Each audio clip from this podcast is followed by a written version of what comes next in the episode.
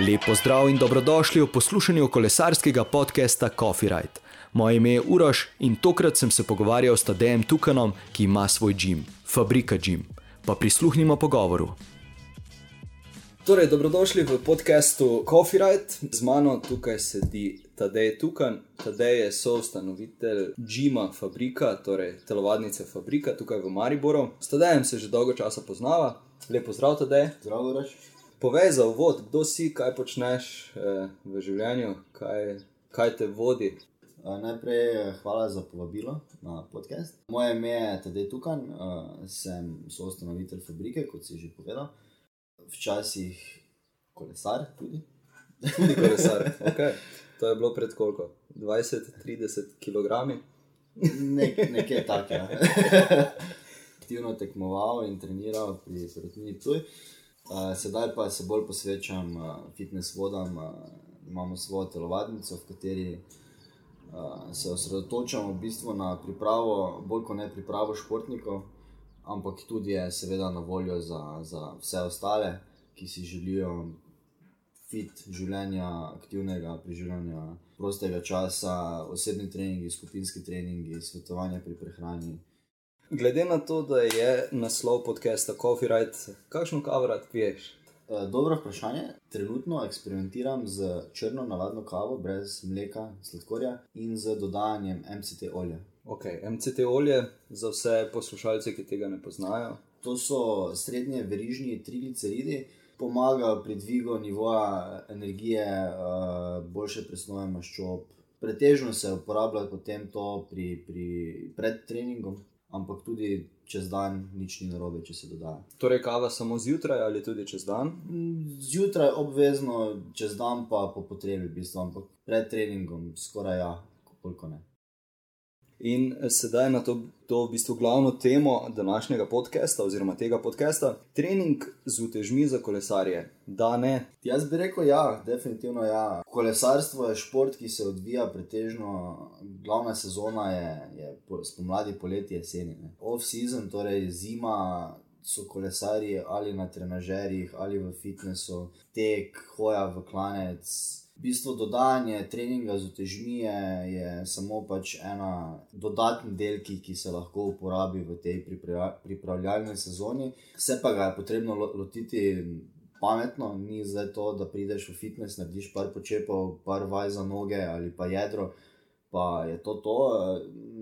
Največji problem je prenesti trening z otežmi na, na dejansko potem, da se pozna ta performance na kolesu.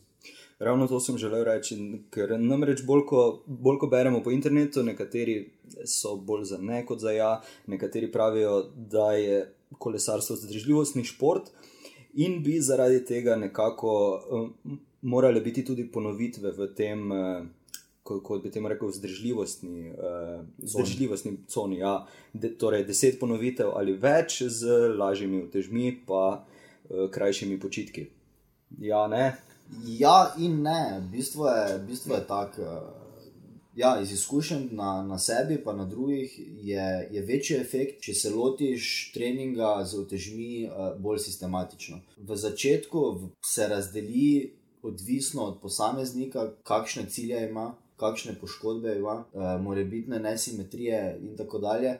In se oceni vsakega posameznika posebej. Zato je smotrno reči, Ja, samo trening med 10 in 15 ponovitev, ni, ni tako ravno.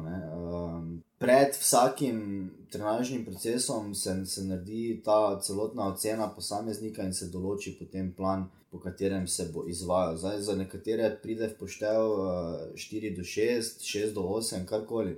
Kar se tiče ponovitev, um, odvisno kakšen tip kolesarja je, ali, ali gre to za šprinterja ali je to uh, je to kolesar, ki, ki mu bolj ležijo klanci, se potem različno sestavijo, sestavijo treningi, pa tudi odvisno od cilja v sezoni. Zdaj nekdo cilja na dirke oziroma dogodke na začetku sezone, nekdo cilja v sredini, nekdo cilja na koncu. Tako da v bistvu je zelo odvisno, kako se nastavi celoten plan čez, čez celo zimo.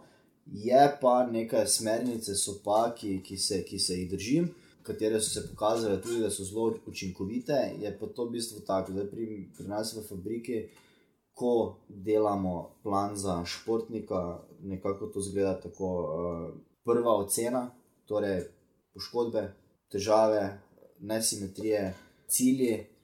In se naredi v bistvu tako 4 do 6 tednov, mogoče če je kdo zelo, zelo poškodovan, tudi 8 do 10 tednov takega pripravljalnega obdobja, v katerem se naučiš vaje, pripravijo se sklepi, pripravijo se vezina na izvajanje, potem uh, faze, ki sledi, ki je pa ponavadi faza za moč. Zdaj ti si šel skozi vse te faze. Ne? Ja, res je, naj kar poveva. Jaz sem z lanskim septembrom začel trenirati v fabriki Ja. in sem ravno šel skozi te faze treninga, torej prvo adaptacija, potem trening za moč, zdržljivost, zdaj pa nekako ohranjanje. In kako se ti je zdelo? Je super. Predvsem treningi za moč so bili zelo lahki. No, le, lep, lepo, lepo si začel. Uh, naslednja faza po adaptacijski je seveda trening za moč, ki isto, isto uh, traja odvisno od posameznika. Zdaj mi dva smo delali koliko šest tednov. 6 do 8 tednov. nekje. 6 do 8 Ja. tednov, nekje. Ne?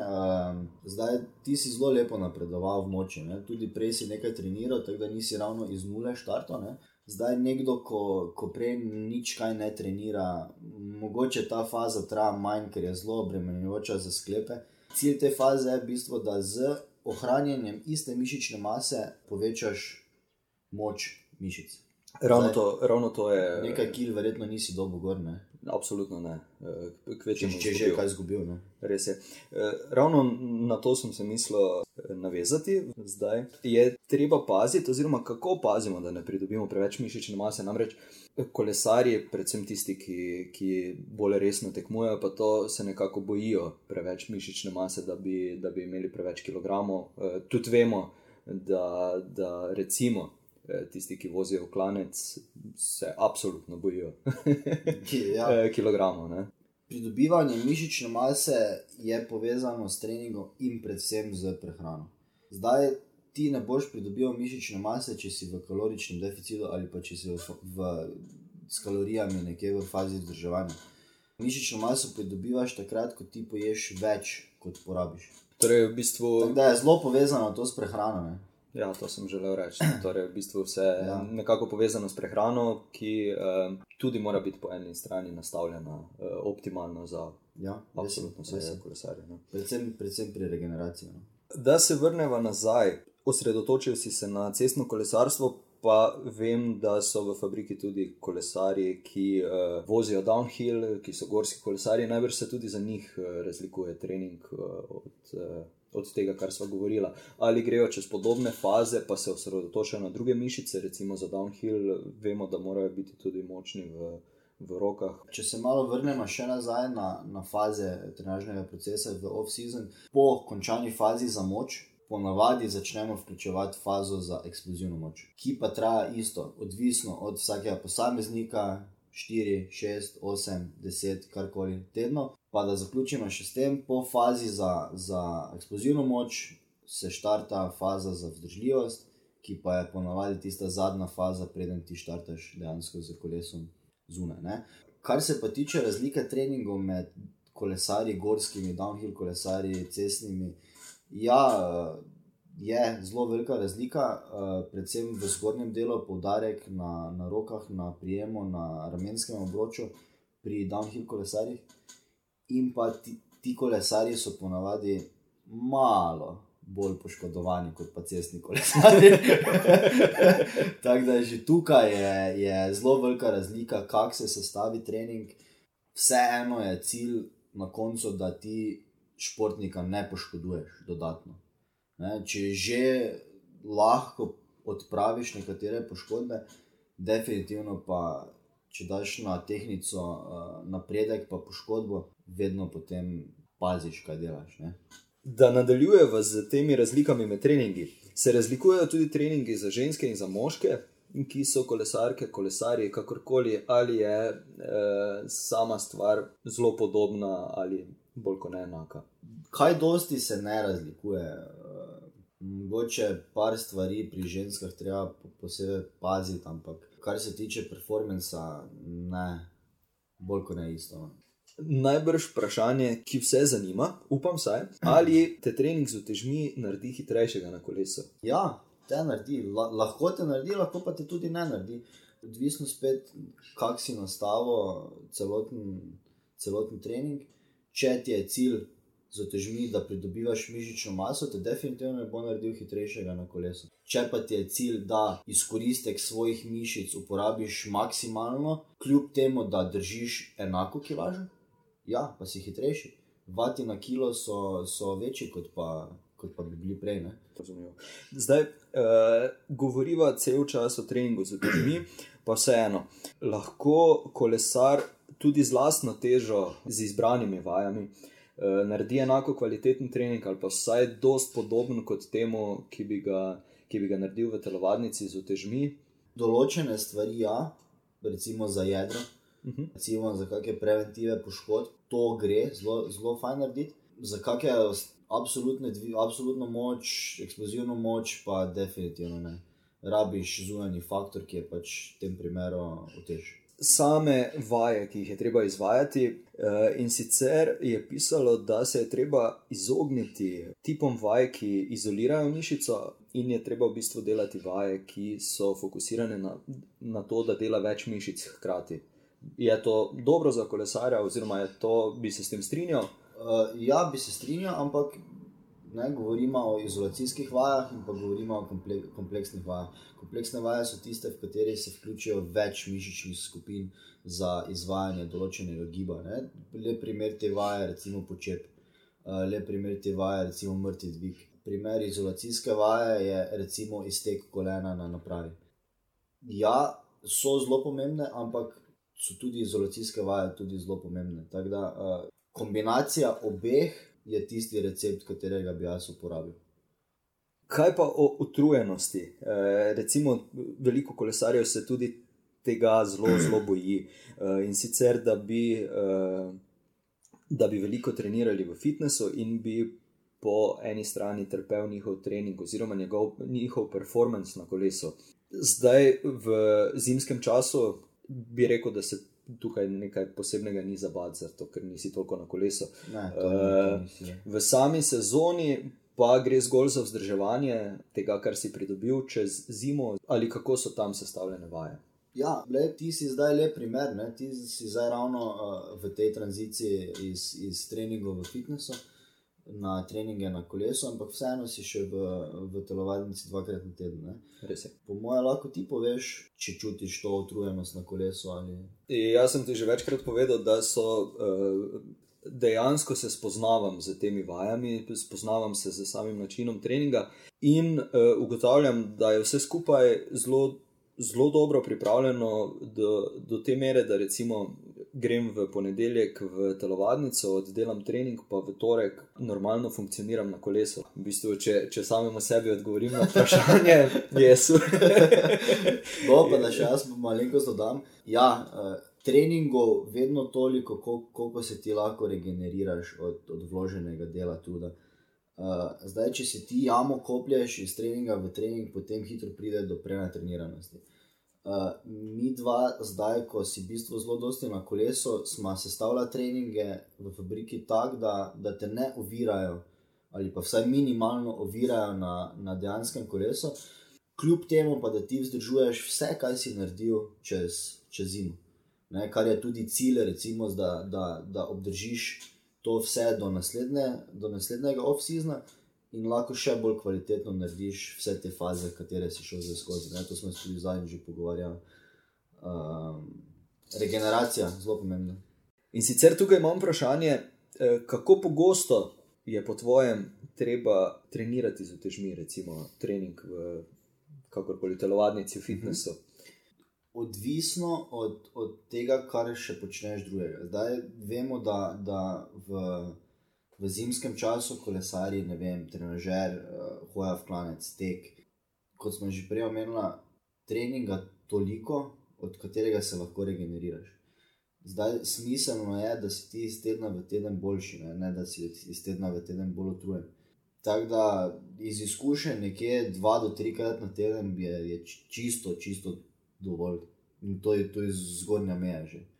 kar se tiče treninga z utežmi, če dopolnjuješ z vsemi ostalimi aktivnostmi. Na začetku si nam povedal, da si tudi sam vozil za perutnino Ptuj. Ste se tudi tam na takšen eh, način lotevali treninga ali je bilo bolj kot ne samo kolesarjenje? Bolj kot ne samo kolesarjenje.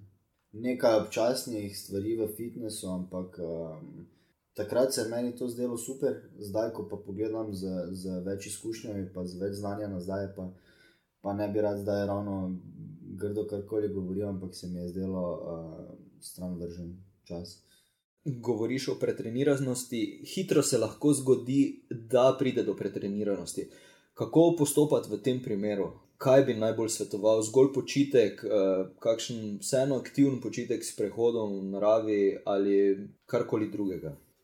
Odvisno od posameznika, ampak ponavadi za kak mesec dni čisto stran vse, karkoli se počne. Karkoli je povezanega z športom, uh, priporočal bi, ne vem, kakšne masaže, savne, lahke sprehode, povečati malenkost vitamine, minerale v prehrani, um, spanec, absolutno, plus dve uri na dan zraven.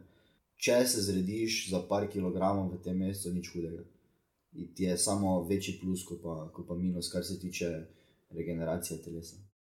Kot si že sam prej rekel uh, na začetku, nekaj počepov v telovadnici ti ne bo pomagalo uh, na kolesu, če se stvari nalotiš pravilno.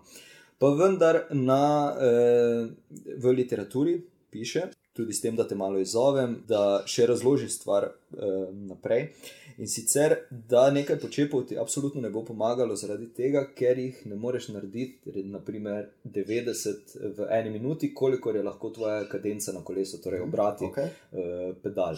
Je zaradi tega ravno potrebno uh, se stvari lotiti malenkost drugače, z pomočjo nekoga, ki uh, se na te stvari spozna, ne da sam ugotavljaš, uh, kaj bi bilo dobro za te, pa kaj ti misliš, da bi da bi ti pomagalo. Do sebe je, je, je zmeraj, zmeraj biti uh, zelo težko. Uh, objektiven. objektiven ja. uh, Tako da v bistvu uh, najboljše je poiskati pomoč nekoga, kateremu zaupaš, nekoga, ki ima izkušnje, pa nekoga, ki je v bistvu že šel skozi to. Ne? Ni samo tok do tok, ne? ampak tudi bok do bok. Tako da v bistvu mislim, da zdaj že četrto leto, odkar hodijo ti, uh, začelo se je z downhill kolesarji, uh, nadaljevalo se je z nekaj tekači, uh, zdaj se fokusiramo na, na, tudi na cestne kolesarje. Tako da v bistvu recept, recept je. Ki se ga potem prilagodi vsakemu posamezniku, ne? in ta recept v bistvu deluje trening VO2 max ali uh, povečanje maksimalnega izkoristka kisika. Je potrebno posebej za to trenirati, ali to nekako pride skupaj z temi uh, treningi za uteži, utežmi? To se ponavadi začne trenirati takrat, ko si ti dejansko na kolesu z raznimi intervali. Itd. Uh, posebej med, oziroma posebej z treningom z utežmi se to ne trenira. Za vse tiste, ki uh, morda ne morejo priti v fabriko, uh, ki morda trenirajo sami doma, kakorkoli, ki so šli skozi neko fazo adaptacije, torej da imajo za seboj kakšna dva meseca fitnesa ali treninga z lastno težo, kaj bi dal kot uh, dober primer oziroma dobro prakso treninga z utežmi za pridobivanje moči? Predpostavki je, da znamo izvajati varno, pa kvalitetno vse vaje, bi se jaz lotil treninga z, za moč, nekako, nekako tako. Začel bi z ogrevanjem, nekim splošnim ogrevanjem, ne vem, na kolesu, na, na, na tekalni stezi, na steperju, karkoli, kar ti dvigne od 3, 5 do 10 minut, čisto dovolj.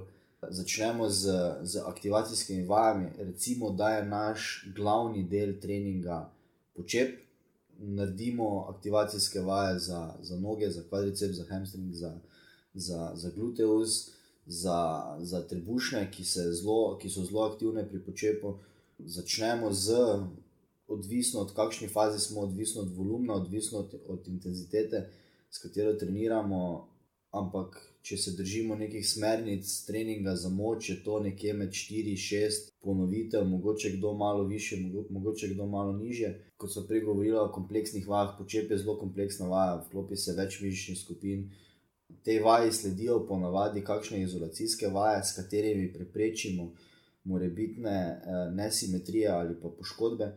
To so lahko kakšni uh, leg extension, če boste kaj googlali, to je iz te kolena na, na, na pravi, ali pa upogib kolena na, na pravi uh, za zadnji del nog.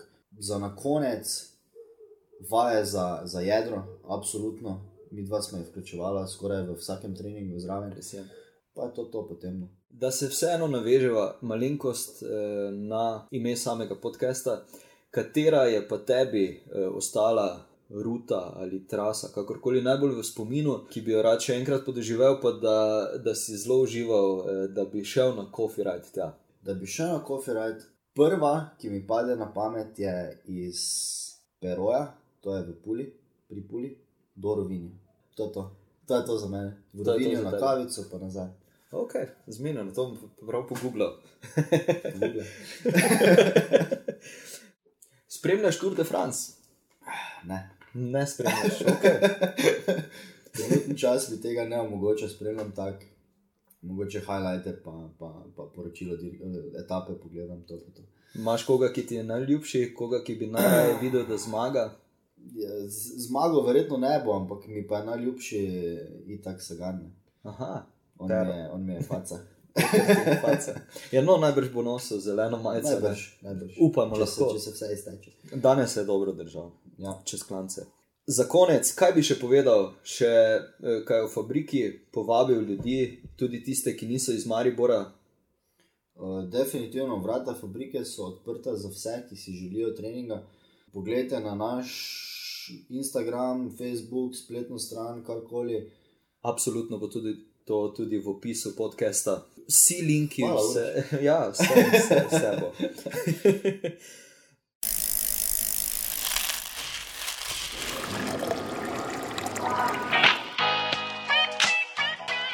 Podcast je na voljo na trikratvojnive.coffeeride.com, na Apple Podcasts, Google Podcasts, Anchorju in skoraj vseh ostalih platformah.